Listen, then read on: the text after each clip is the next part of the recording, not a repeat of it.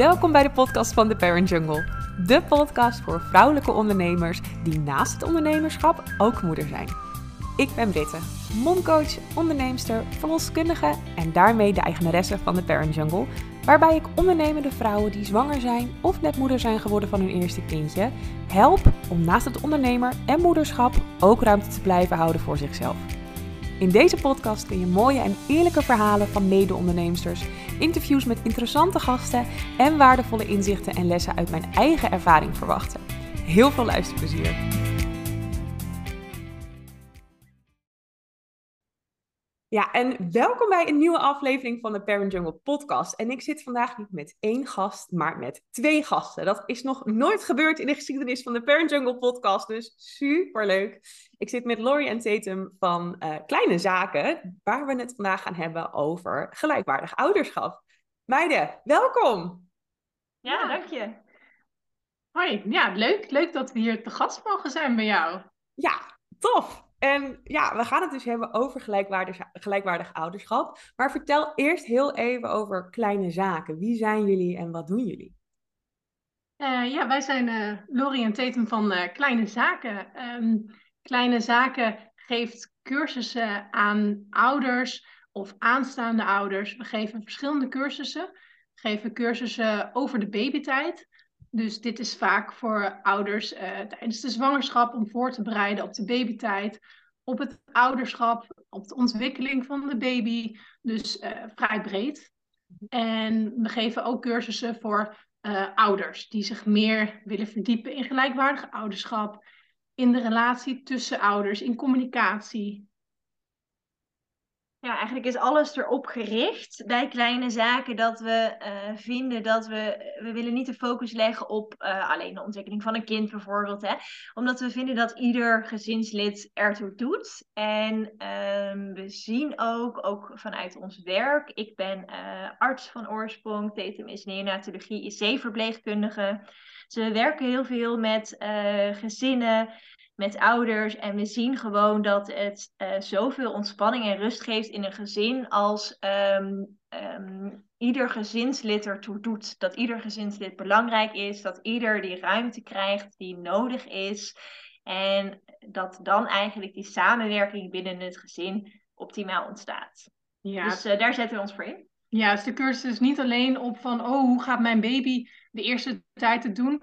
Ook, we richten ons ook op de baby, maar ook echt heel erg op iedere uh, gezinslid, dus op de ouders zelf. Ik denk ook heel, tenminste vanuit de verloskunde, is dit voor mij ook heel erg herkenbaar als ik dit zo hoor.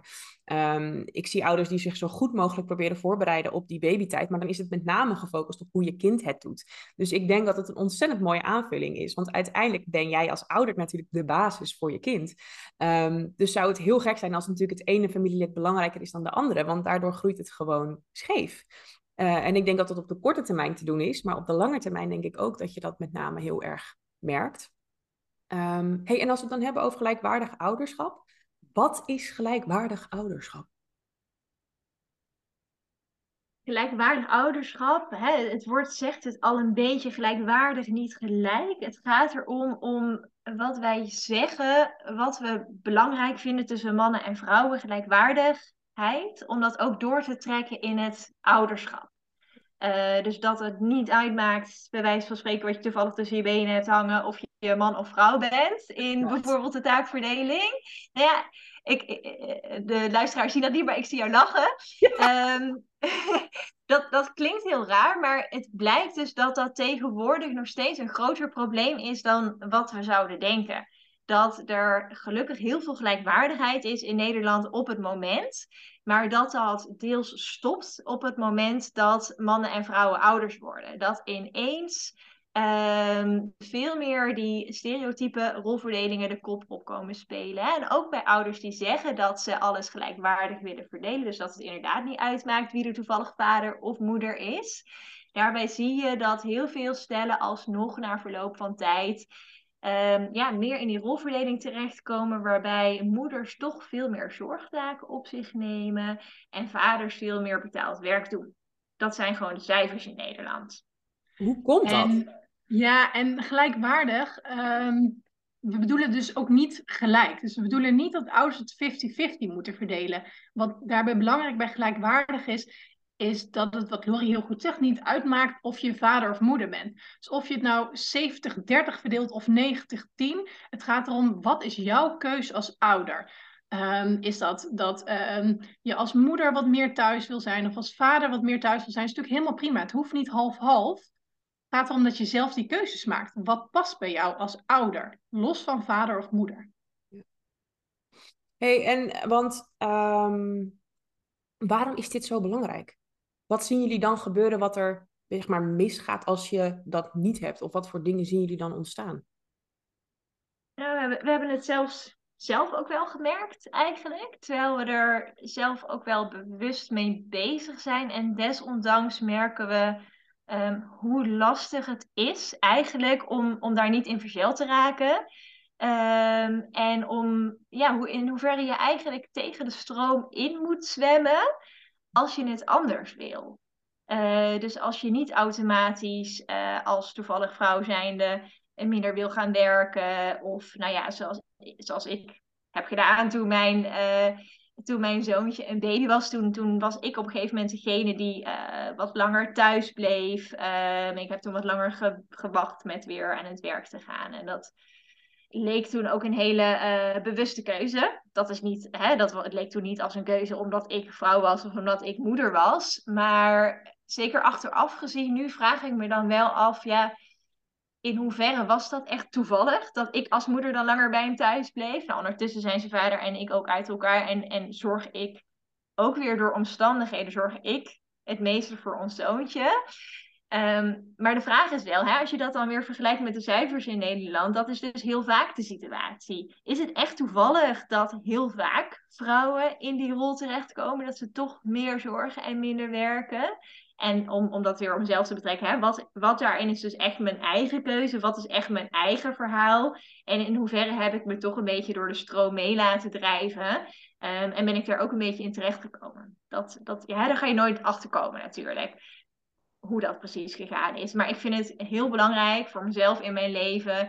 Uh, en ik merk ook bij heel veel gezinnen om me heen, zowel vrouwen als mannen overigens, um, dat ze het belang, steeds belangrijker vinden om daar bewust mee bezig te zijn. Maar hoe kan dat dan? Dat het, dat het um, dat het dan zo tegen de stroom in is. Want inderdaad, je zegt het is eigenlijk niet echt toevallig. Dus hoe kan het dan, of tenminste is het wel toevallig, is eigenlijk dan een beetje de vraag. Maar hoe kan het dan dat we er dan toch altijd in vervallen? Waar heeft dat mee te maken, denken jullie? Ja, ik denk dat dat soort keuzes die je maakt als individu, je wordt moeder of je wordt vader, um, dat die heel erg samenhangen met hoe een land is ingericht. Dus groter zijn dan jij als persoon. Uh, het begint bijvoorbeeld al met um, verlof. Als moeder heb je standaard verlof uh, als je kindje net geboren is. Waardoor jij veel meer ervaring opdoet met uh, hoe je kindje slaapt, hoe die eet, hoe die drinkt. En door die ervaring ken je je kindje beter en is het vaak logischer om die zorgtaken vast te houden. En gelukkig hebben we sinds vorige zomer um, ook deels betaald verlof voor eh, vaders. Uh, mogelijk om dat op te nemen. Waardoor we in Nederland nu meer mogelijkheid hebben dat ook vaders in het eerste jaar uh, meer vliegenuren maken. Want het is niet dat je als moeder een betere ouder bent of beter voor je kind kunt zorgen. Het gaat erom hoeveel vlieguren heb je als ouder. En door het beleid wat er in Nederland is, is het voor moeders gewoon veel makkelijker om die vliegenuren te maken in het begin. En hou je daardoor die zorgtaken meer bij jouzelf hou je die meer vast. En als vader doe je vaak daardoor minder ervaring op. En dat is dus niet altijd een persoonlijke keus. En natuurlijk heb je ook de zwangerschap. Je staat als moeder gewoon 10-0 voor als je kindje geboren is, qua hechting. En als vader kun je daar heel erg je best in doen. Maar je moet soms bewust keuzes maken om die 10-0 in te halen als vader. En door daar bewust mee bezig te zijn al in de zwangerschap, kun je ervoor zorgen dat jullie allebei uh, de zorgtaken en ook uh, het werk kunnen verdelen hoe jullie dat willen. Maar ik heb zelf ook gemerkt dat het zo belangrijk is om daar bewust keuzes in te maken. Want zowel door de overheid als door hoe de natuur het heeft ingericht, dat je als moeder je kind draagt, um, moet je dus echt gaan kijken naar hoe willen wij het gaan doen? Willen wij het anders gaan doen? Uh, wat past bij ons? Um, ik ben tijdens de zwangerschap met mijn man daar ook heel bewust mee bezig geweest. Ik merkte bijvoorbeeld al um, toen mijn man en ik het um, hadden over een kinderwens, dat ik aan mijn man vroeg van ja, en als we straks een kindje hebben, hoeveel uur zou je dan willen blijven werken? En dat hij antwoordde met, nou ja, gewoon fulltime. En dat ik toen al aanvoelde van, als jij straks fulltime wil blijven werken, gaat dit een hoop voor mij betekenen. Dan moet ik dingen gaan oplossen. En hij voelde het probleem niet zo. En ik voelde instinctief toen al aan. En toen was ik nog helemaal niet bezig met gelijkwaardig ouderschap. Maar ik voelde wel al aan dat dit voor mij iets ging betekenen als hij fulltime uh, zou willen blijven werken. Het wordt ook eigenlijk heel makkelijk gezegd, als je het zo. Want ik denk ook dat heel veel mannen dat ook niet eens bij stilstaan, maar denken, nou ja, gewoon, gewoon, mm fulltime. En Zeker. niet beseffen wat ze daar eigenlijk mee naar jou als, als partner dan toe zeggen. Ja, nee, hij heeft op dat moment er ook niet over nagedacht dat dat dus voor mij iets ging betekenen. En nou, toen hebben we jaren, uh, want dit was een aantal jaar terug, hebben we uh, veel gesprekken erover gehad. Veel gesprekken gehad over wat voor ons allebei belangrijk is. Um, zowel ook sociale contacten, werk, zorgen voor ons kind. En daar hebben we goede afspraken over gemaakt. Uh, bijvoorbeeld toen ik weer aan het werk ging na uh, verlof, is mijn man drie maanden thuis gebleven en heeft hij verlof opgenomen, zodat hij in zijn eentje voor ons kind kon zorgen. Nou, dat zijn hele bewuste keuzes die we gemaakt hebben. Um, maar echt omdat we van tevoren al die gesprekken erover gevoerd hebben, over wat voor ons belangrijk is als persoon. Lijkt me ook wel, want had je toen handvaten voor zo'n gesprek? Of heb je dat gewoon, want zeker als het natuurlijk niet super in de maatschappij zit, lijkt het me ook wel lastig hoe je zo'n gesprek dan aanpakt. Ja, um, ik denk ook niet dat iedereen standaard dit soort gesprekken heeft, maar um, vlak voordat ik zwanger werd, zijn we begonnen met kleine zaken. Mhm. En zijn we ons heel erg gaan verdiepen in gelijkwaardig ouderschap. En dat gaf mij handvatten om deze gesprekken te voeren. Doordat ik heel veel over gelezen heb, met heel veel personen heb gesproken. Gingen cursussen geven, dus ik sprak ook veel ouders. Ehm, waardoor ik ook de gesprekken thuis makkelijker uh, kon voeren. Maar we zien inderdaad dat die cursussen die wij geven, uh, zet ouders of aanstaande ouders aan tot praten, tot communiceren over dit onderwerp. En we horen na afloop zo vaak van ouders dan terug, um, ja, hoeveel zij gehad hebben aan die aanzet van, ons. Um, we hebben bijvoorbeeld um, ook een kraamplan, wat ouders ook aanzet tot, tot praten van hoe willen we het eigenlijk gaan doen in die kraamperiode. Nou, en dat is ook leuk om terug te horen dat ouders er inderdaad wel veel aan hebben. En ik zelf heb daar dus ook heel veel aan gehad je weet als nieuwe ouder natuurlijk ook niet zo goed wat er op je afkomt. Hè? Dus dan grijp je alles aan en dan zie je dat mensen inderdaad nou ja, heel, heel goed en fijn wel een bevalplan maken. En ook uh, op een bevallingscursus om in ieder geval te weten hoe dat allemaal gaat. En uh, vaker, bij mezelf herinner ik dat eigenlijk ook nog, wordt dan een beetje vergeten of dan is het misschien te groot na te denken over de tijd daarna. Dat je denkt, nou dat zien we dan wel als die baby er eenmaal is na de geboorte, dat... Uh, dat komt dan wel of zo. Anderen doen het ook. Um, en, en natuurlijk komt het ook wel en vindt het uiteindelijk ook wel zijn weg. Alleen het, het blijkt wel heel veel uit te maken um, in hoeverre dat lukt om er wel van tevoren over na te denken. Inderdaad ook handvatten daarvoor te hebben hoe van andere ouders of van experts te horen. Hey, wat gaat er dan allemaal op je afkomen na de geboorte en wat is eigenlijk handig om over na te denken van tevoren. En die voorbereiding, weet je, natuurlijk kan je altijd alles nog anders doen. Het is niet dat als je van tevoren bedenkt, zo willen we het gaan doen. Hè, je kan het allemaal niet voorspellen hoe het ouderschap gaat voelen, wat voor kind je gaat hebben, dat weet je niet. Je kan het allemaal veranderen, uh, maar het blijkt gewoon enorm te helpen om er wel alvast bewust mee bezig te zijn geweest. Nou ja, het interessante is dat, dat de Parent Jungle eigenlijk hieruit geboren is. Want het viel mij als verloskundige inderdaad heel erg op. Dat die bevalling, daar besteden we super veel tijd aan. Cursussen, er is van alles te vinden. En max misschien nog die eerste week na de bevalling. En daarna houdt het eigenlijk een beetje op of zo. Dan is het van, nou, je hebt je kind, het is gelukt. Enjoy. Succes ermee. Na een week trekt iedereen de deur achter zich dicht en sta je er opeens alleen voor. Je hebt het nog nooit gedaan. En ik heb dat altijd heel curieus gevonden. Want als je kijkt ook naar het tijdsbestek, ja, die bevalling is belangrijk om je op voor te bereiden. Maar uiteindelijk is dat natuurlijk maar een heel klein stukje van de rest van het leven van je kind, zeg maar. Dat komt daarna allemaal nog. Eigenlijk begint het daarna pas. Ik heb ook nooit begrepen dat we vrouwen en partners daar nooit zo goed op hebben voorbereid. Ja, ja en, en je zegt hè, daarna begint het uh, pas. En, en dat is dus in ieder geval iets wat ik zelf ook minder had gerealiseerd, denk ik, dat het niet alleen voor het kind daarna pas begint en wat opvoeding betreft, maar uh, ook voor jou als ouder. Uh, op alle vlakken in het leven krijg je ineens een, een ander soort rol. Of moet je die anders in gaat vullen, gaan vullen. En je moet ineens met zoveel meer dingen rekening houden, ook in je eigen leven. Um, want je hebt niet meer alleen je eigen leven. En dat is niet alleen rekening houden met je kind, maar ook veel meer met je partner. Ineens moet je over zoveel meer dingen eigenlijk communiceren. Uh, zoveel meer taken komen er op je af, zorgtaken die je moet gaan verdelen.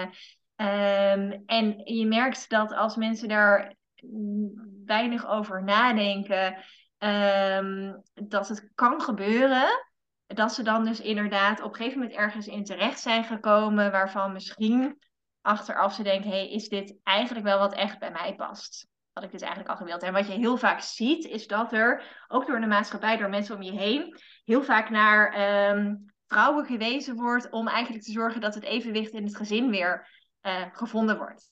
Het is super zwaar natuurlijk hè, om, om, uh, om ouders te zijn. Superleuk en ook heel zwaar.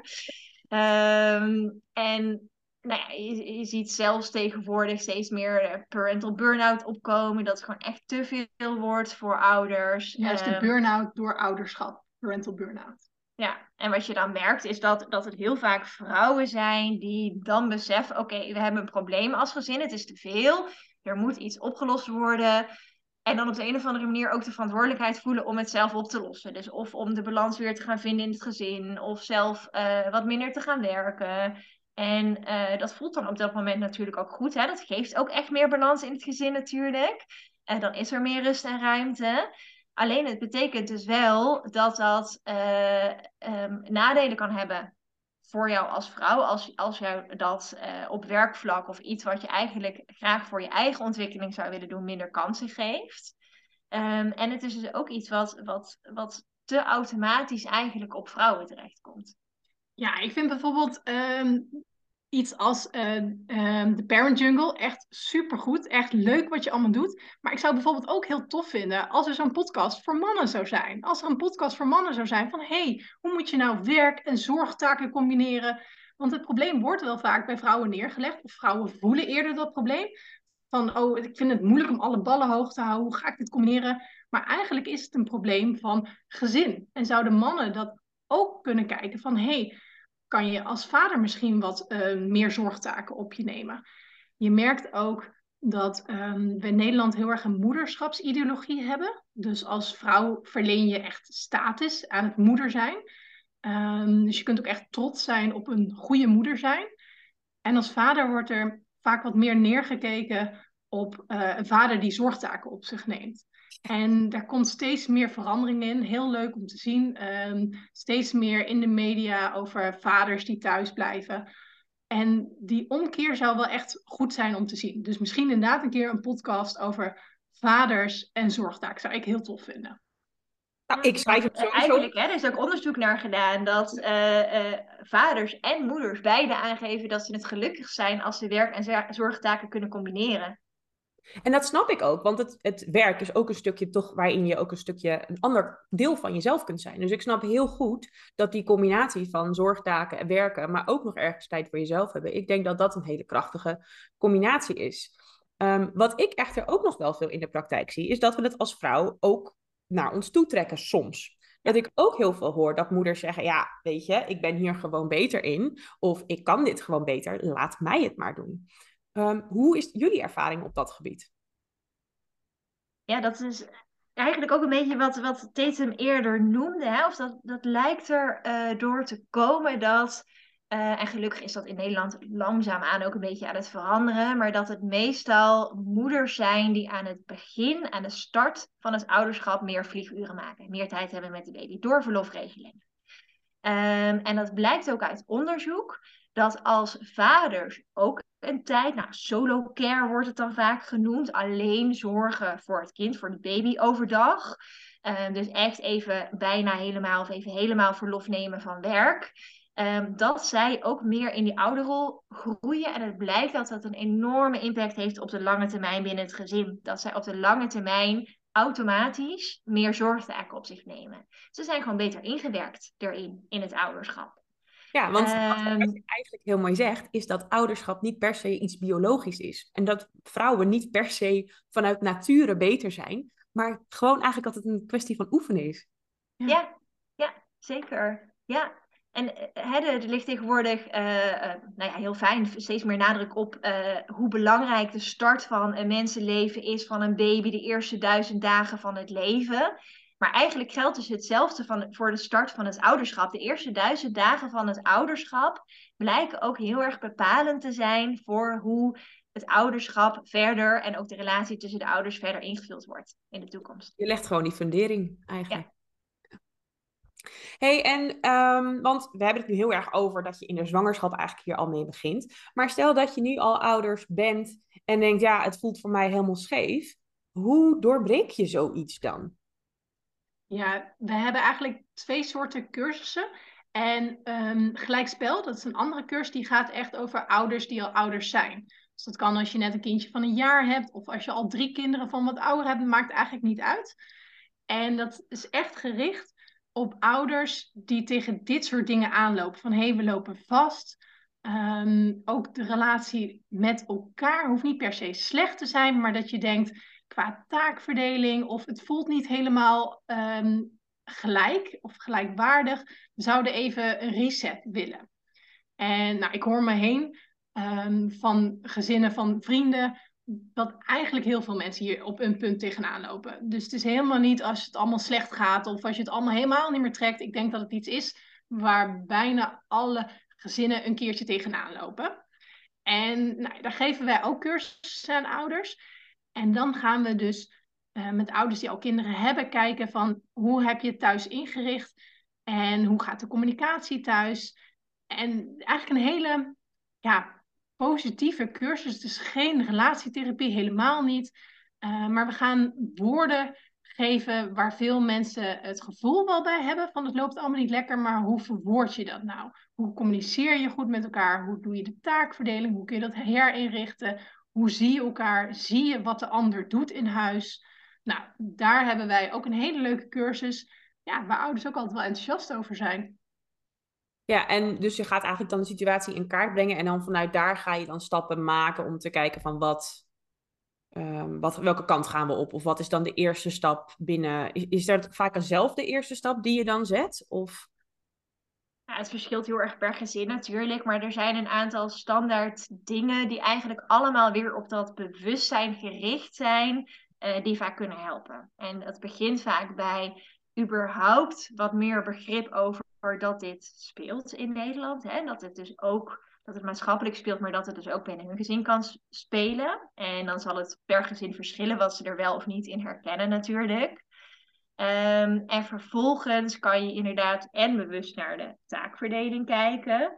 Um, maar krijg je door dat begrip en dat bewustzijn ook steeds meer inderdaad woorden ervoor om dingen te beschrijven um, in jouw leven die je graag anders zou willen. En dat zijn ook dingen die je van tevoren misschien niet eens echt herkent. Uh, ik had dat zelf ook bijvoorbeeld met de vader van mijn zoontje, mijn ex-partner. Um, dat ik op een gegeven moment inderdaad het gevoel had van ja, ik, ik, ik wil iets anders. Ik wil dit wat anders verdelen. Uh, en dat, dat heb ik ook wel eens tegen hem gezegd. Maar hij begreep het geloof ik ook niet precies wat ik dan bedoelde. Ja, en toen hebben we dus ondertussen hadden we kleine zaken opgericht. Was ik steeds meer met gelijkwaardig ouderschap bezig. En toen dacht ik ja, mental load, de mentale last, dat is het eigenlijk. Um, ik merkte dat um, ik veel meer het overzicht had over wanneer ons zoontje een kinderfeestje had en er een cadeautje gezocht moest worden. uh, of een extra oppas geregeld moest worden, uh, of een tandartsafspraak, nou noem maar op. Dat zijn alle dingen die het managen binnen het gezin of met kinderen, die dan ook wel de mentale last genoemd worden. Uh, en die wel energie kosten, maar heel vaak niet in de bewuste taakverdeling meegenomen worden. Um, en dat heb ik aan hem gevraagd. Ik heb toen gevraagd van, hey, zou jij um, ook in de gaten willen houden, ook wanneer er bijvoorbeeld uh, schooluitjes of vergaderingen zijn. Uh, zodat ik niet nog een herinneringsberichtje hoef te sturen van hey, er is een vergadering morgen, ben ik erbij of ben jij erbij? Uh, maar dat, ja, dat er wat initiatief vanuit hem zou komen. En het is zo mooi wat er toen gebeurd is. Hij, ik heb daar de woorden dus voor gevonden en hij heeft dat gehoord en het is echt enorm veranderd. Um, dat ene gesprek uh, heeft er gewoon voor gezorgd dat hij dat ook ging zien. Uh, en nu het initiatief neemt voor dat soort dingen.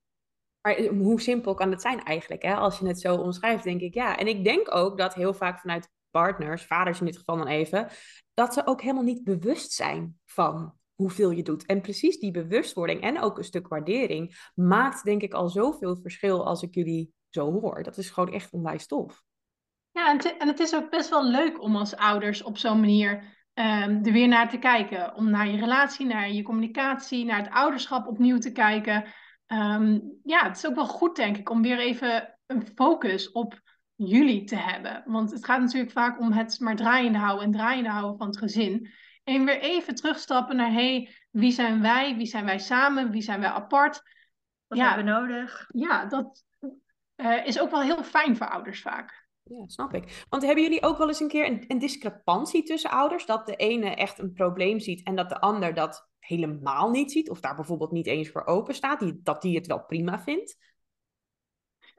Ja, we hebben eigenlijk altijd wel als ouders. Je staat er gewoon altijd net wat anders in. Je hebt altijd andere persoonlijkheden, andere belangen. Um, en juist daarom is het soms fijn om uh, ook bij een derde persoon uh, te zijn. En ook soms om samen met andere ouders ernaar te kijken. Um, omdat, om het alleen met z'n tweeën te doen.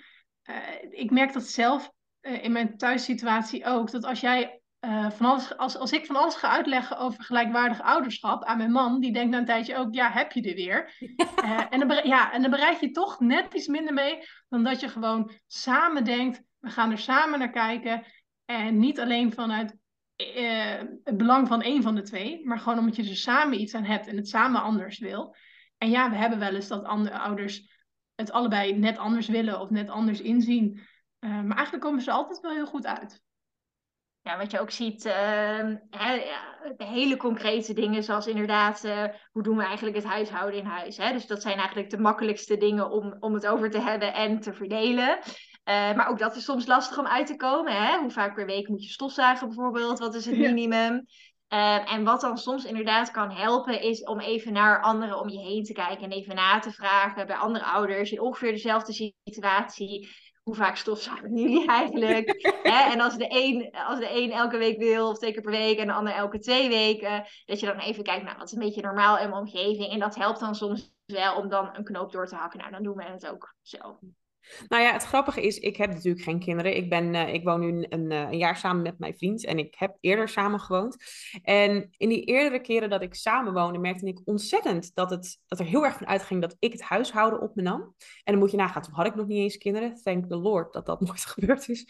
En, maar nu, bijvoorbeeld met mijn vriend, ben ik ook van tevoren gaan zitten van ja, weet je, als we het hebben over het huishouden, van ja, ik ga het niet allemaal doen. Um, dus wat ga jij doen? Wat ga ik doen? Maar ik heb ook geleerd bijvoorbeeld om dingen een beetje los te laten. Want soms vraag ik mezelf ook wel eens af van ja, weet je, ik vind dat ik het beter weet, het huishouden. Ik vind dat ik een bepaalde hygiënestandaard moet. Maar ook afvragen van hoe hoog moet die standaard eigenlijk liggen? En wat is er nu echt belangrijk? Dus ik denk ook dat compromissen sluiten daarin, dat dat ook een, een groot onderdeel daarvan is. Of in ieder geval samen besluiten hoe hoog de lat moet liggen.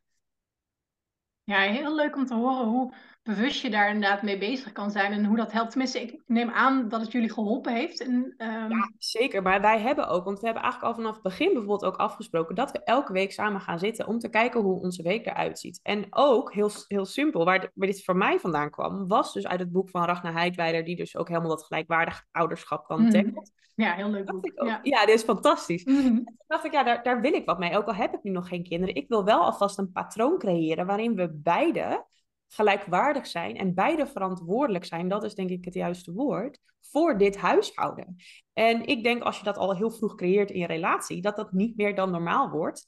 Ehm, en ik kan het nu ook zelf veel beter loslaten. Omdat ik weet dat hij het gewoon doet. En het is niet meer mijn verantwoordelijkheid, want hij doet het gewoon. Punt. En als het niet gebeurt, dan komt hij er ook op terug. Ehm, ja, dus ik, ik, vond dat een, ik vond dat boek sowieso een hele grote hulp. En ik vind het heel interessant ook om te horen ehm, hoe dat dan doordreunt als je natuurlijk op een gegeven moment ouders bent. Ja, en merk je bij jezelf ook dat het eh, rust geeft tussen jullie? Ook het loslaten en minder discussie? Of merk je dat verschil niet zo? Ja, onwijs. Kijk, wij hadden natuurlijk, toen wij gingen samenwonen, hebben we dit meteen gedaan. Dus mijn vergelijkingsmateriaal is een, is een vorige relatie, waarin dat voor mij als heel veel druk voelde. Dat ik wel moest zorgen voor een inkomen gelijkwaardig, zodat we konden samenwonen. En ook verantwoordelijk was voor het huishouden. En ook nog een beetje schuin aangekeken werd als ik het niet deed. Ja, weet je, eh koekoek, ik heb ook gewoon af en toe vrij nodig. Ik heb ook gewoon eh, mijn dingen. Ehm, en wat ik heel erg, de shift die ik bij mezelf heel erg merk, is met name die gelijkwaardigheid. Dus dat je, ehm, ik heb het gevoel dat ik het echt samen met iemand doe. En niet meer in mijn eentje alles aan het draaien ben. En dat geeft veel minder stress en druk op mij. Ja, en wat je zegt, het is echt ook een stukje loslaten. En je ziet dat vaak bij moeders, maar dat kan evengoed bij partners, vaders, dat maakt niet zoveel uit. Maar je ziet vaak dat er eentje is ehm, die denkt het beter te weten of een hogere standaard heeft of meer ervaring heeft in het eh, zorgen voor je kind. Ehm, nou, Lori noemde het solo care al, dus dat de andere ouder in zijn eentje een tijdje zorgt en in zijn eentje het allemaal kan uitvinden en op zijn eigen manier kan doen of haar eigen manier kan doen. Uh, maar ook bewust, ik, ik moet dat zelf bijvoorbeeld wel eens bewust doen, dat um, als mijn man ons zoontje aankleedt en ik denk, oh nee, ik zou dat niet zo doen, of ik zou andere kleren aandoen, of oh, hij doet de luier veel te los of te strak, of dat ik echt bewust moet denken, ik ga niks zeggen, ik draai me soms ook echt om, dat ik denk, ik kijk er niet eens naar, want dan hoef ik ook niet in te breken. Maar ik denk dat je dat als ouder ook moet doen. De andere ouder echt moet laten. Alleen als het om veiligheid gaat. Dus hij zet bijvoorbeeld het autostoeltje verkeerd in de auto. Dan zeg ik er wel wat van. Maar ik moet soms echt de andere kant op kijken. En hem zijn eigen ding laten doen. Hoe moeilijk ook. En dat is ook een stukje bewustwording. Dus het is echt niet zo um, dat het alleen is dat mannen meer zorgtaken mo moeten gaan doen. Of partners meer zorgtaken. Het is ook echt zo uh, dat sommige moeders het minder naar zich toe moeten trekken. En minder uh, de lat uh, op je eigen niveau moeten houden. Maar ook denken van het kan ook anders. Nou dat, het kan ook anders. En anders hoeft niet meteen per se slecht te zijn. Ik heb ook wel eens in de coaching die ik dan doe met moeders... dat ik soms afvraag, hoe, wat is het ergste wat er kan gebeuren... als ja. hij verkeerd aankleedt, zeg maar. Ja. Um, hebben jullie daar verder nog uh, tips voor, voor ouders... om het meer los te kunnen laten? Want ik denk dat dat wel misschien wel een mooi is voor veel vrouwen. Nou, hoe dit ook weer ontstaat, hè, dit is ook weer iets wat cultureel eigenlijk heel diep zit. Ook weer met de uh, beelden, de ideeën die we hebben over mannen en vrouwen en taken voor mannen en vrouwen. En dat we ook gewoon onbewust, dat vrouwen er onbewust meer op aangekeken worden als het huishouden hè, niet uh, helemaal perfect is. Of als de kleren, uh, als een kind met wat uh, niet matchende kleren naar school komt. En um, vrouwen die, die weten dat, die voelen dat. Die moeders weten, oh, als mijn kind met aparte kleren naar school gaat, dan, dan denkt iedereen dat ik dat heb gedaan. Of zou ik een slechte moeder zijn? Want dat is ook een beetje zo. Um, en ik, ik merk dat zelf ook als uh, moeder, dat als op het kinderdagverblijf uh, er iets was of een ziek kind, uh, hoe hard moet je ervoor werken dat de vader gebeld wordt en niet jij altijd als eerste. Dus dat, dat is ook een stukje realiteit en ik denk dat het ook daardoor komt dat heel veel vrouwen dat uh, internaliseren, hun hele leven eigenlijk al merken dat er naar hen gekeken wordt daarvoor en het op een gegeven moment maar gewoon de hele tijd gaan doen en geperfectioneerd hebben. Misschien ook door heel veel oefening. Ik denk ook dat je het in de opvoeding zo meekrijgt. Ik denk ook dat we ja. niet eens allemaal bewust, maar ook een heel stuk onbewust zie je als kind natuurlijk dat de vrouw dat altijd zo doet. Dus ja. Ja, je ouders zijn je grootste voorbeeld. Je kijkt heel erg naar hoe je eigen ouders het doen. En daarom vind ik het ook zo leuk om daar op dit moment bewust mee bezig te zijn. Van hoe wil ik zelf als voorbeeld voor mijn kinderen zijn? Ja, en het, wat, ik, wat waar mij het meteen aan doet denken is ook bijvoorbeeld de, de moeder van mijn vriend. Die heeft eigenlijk ook heel erg gestreefd, wat in haar tijd natuurlijk hartstikke vooruitstrevend was, om ook gelijkwaardig ouderschap toen al te hebben. En ik denk ook dat dat heel erg uitmaakt in hoe mijn vriend nu open staat om het met mij daarover te hebben in vorm van dus het gelijkwaardig partnerschap. Hij was daar, stond daar direct voor open. Dus ook om het verschil al te laten zien. Um, ja, ik, ik, ik sluit me daar helemaal bij aan. Jazeker. Ja. Hey, meiden, nog één grote vraag. Wat zijn jullie drie grootste tips die jullie aan elke ouder zouden willen meegeven ten aanzien van het gelijkwaardig ouderschap? Als we het even heel kort samenvatten, want we hebben dit hè, al her en daar voorbij zien komen tijdens dit gesprek. Um, maar als ik het zou moeten samenvatten, zou ik zeggen: uh, zorg dat je het erover hebt, dat je er verdiept en dat je zorgt inderdaad dat je uh, de woorden hebt om het aan te kunnen spreken. Uh, verder de eerste duizend dagen voor ouders. Dus zorg voor een goede start als ouders en dat je beide eigenlijk ingewerkt bent, ook in je rol als ouder. Ja, dus kijk tijdens de zwangerschap al van wat zijn onze ideeën hierover? Hoe zouden we de eerste weken, de eerste maanden willen inrichten? En bedenk dat het bewuste keuzes zijn. Want je wordt door de maatschappij al ergens naartoe geleid. En dat is helemaal prima als je daar oké mee bent. Als je zegt, uh, ik wil als vrouw wat meer thuis blijven. Want dat is de richting waar de maatschappij je op stuurt. Um, maar het moet wel een bewuste keuze zijn. Dus kijk ernaar, wil ik dit? Willen we het net anders? Willen we het helemaal anders? Dus die eerste duizend dagen voor ouders. Ja, en ook heel simpel uh, de taakverdeling zelf. Hè? Eigenlijk wat jij ook aangaf wat je hebt gedaan. Het is zo simpel, maar bewust gaan zitten, liefst op, vaker en op een vast moment. En communiceren over de taakverdeling en ook over de onzichtbare taken. Dat geeft je heel veel begrip voor elkaar. Uh, laat je zien wat doet de ander eigenlijk allemaal. Uh, en geef je ook de mogelijkheid om dus dingen daarin te veranderen. Nieuwe afspraken te maken. Dank jullie wel voor jullie aanwezigheid tijdens deze podcast. Ik, uh, heb denk, we hebben denk ik heel veel dingen besproken, heel veel waarde gedeeld. Um, en sowieso voor degene die jullie nog niet kent, in de beschrijving stop ik uiteraard even jullie Instagram-account en jullie website, zodat iedereen jullie makkelijk kan vinden. En uh, ja, nogmaals bedankt. Ja, ja dankjewel. Superleuk om hier geweest te zijn. Ja.